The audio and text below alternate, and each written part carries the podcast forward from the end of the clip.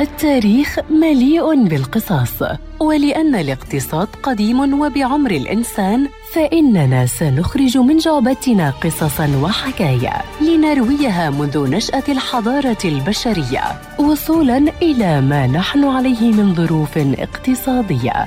في بودكاست تاريخ الاقتصاد مع المدون الاقتصادي مجد النوري عبر إذاعة أجيال ومنصاتها المختلفة.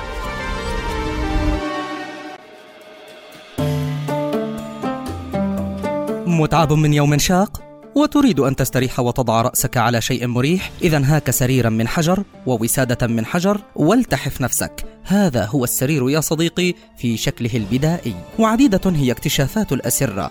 أقدمها يعود إلى 77 ألف سنة وذلك في جنوب إفريقيا. وهناك اكتشافات لأسرة مختلفة من الحجري إلى القش إلى أوراق الشجر وغيرها. ولكن السرير وكغيره من كل الأمور حولنا تأثر في الاقتصاد ونهضته وعبر عنه أيضا. فكان يتطور من الحجر للقش إلى الشجر إلى ريش الطيور إلى أمور لم تتوقف حتى وقتنا الحالي عن التطور. أما التعبير فلك أن تعرف أن توت عنخ آمون طلب أن يكون سرير موته في نعشه من الذهب كسريره في الحياة. والسرير يا صديقي ليس مقتصرا على فراشك بل وحتى ما يمسكه. فكلما كنت من علية القوم رأينا سريرا أغلى وأكثر زخرفا وذلك لنوم هانئ وهادئ وأحلام بعيدة عن الكوابيس. ولا تعجب ففي القرون الوسطى كان السرير فعليا إما مكانا لجلب الأمراض أو أنه أمنية يتمناها الفقراء.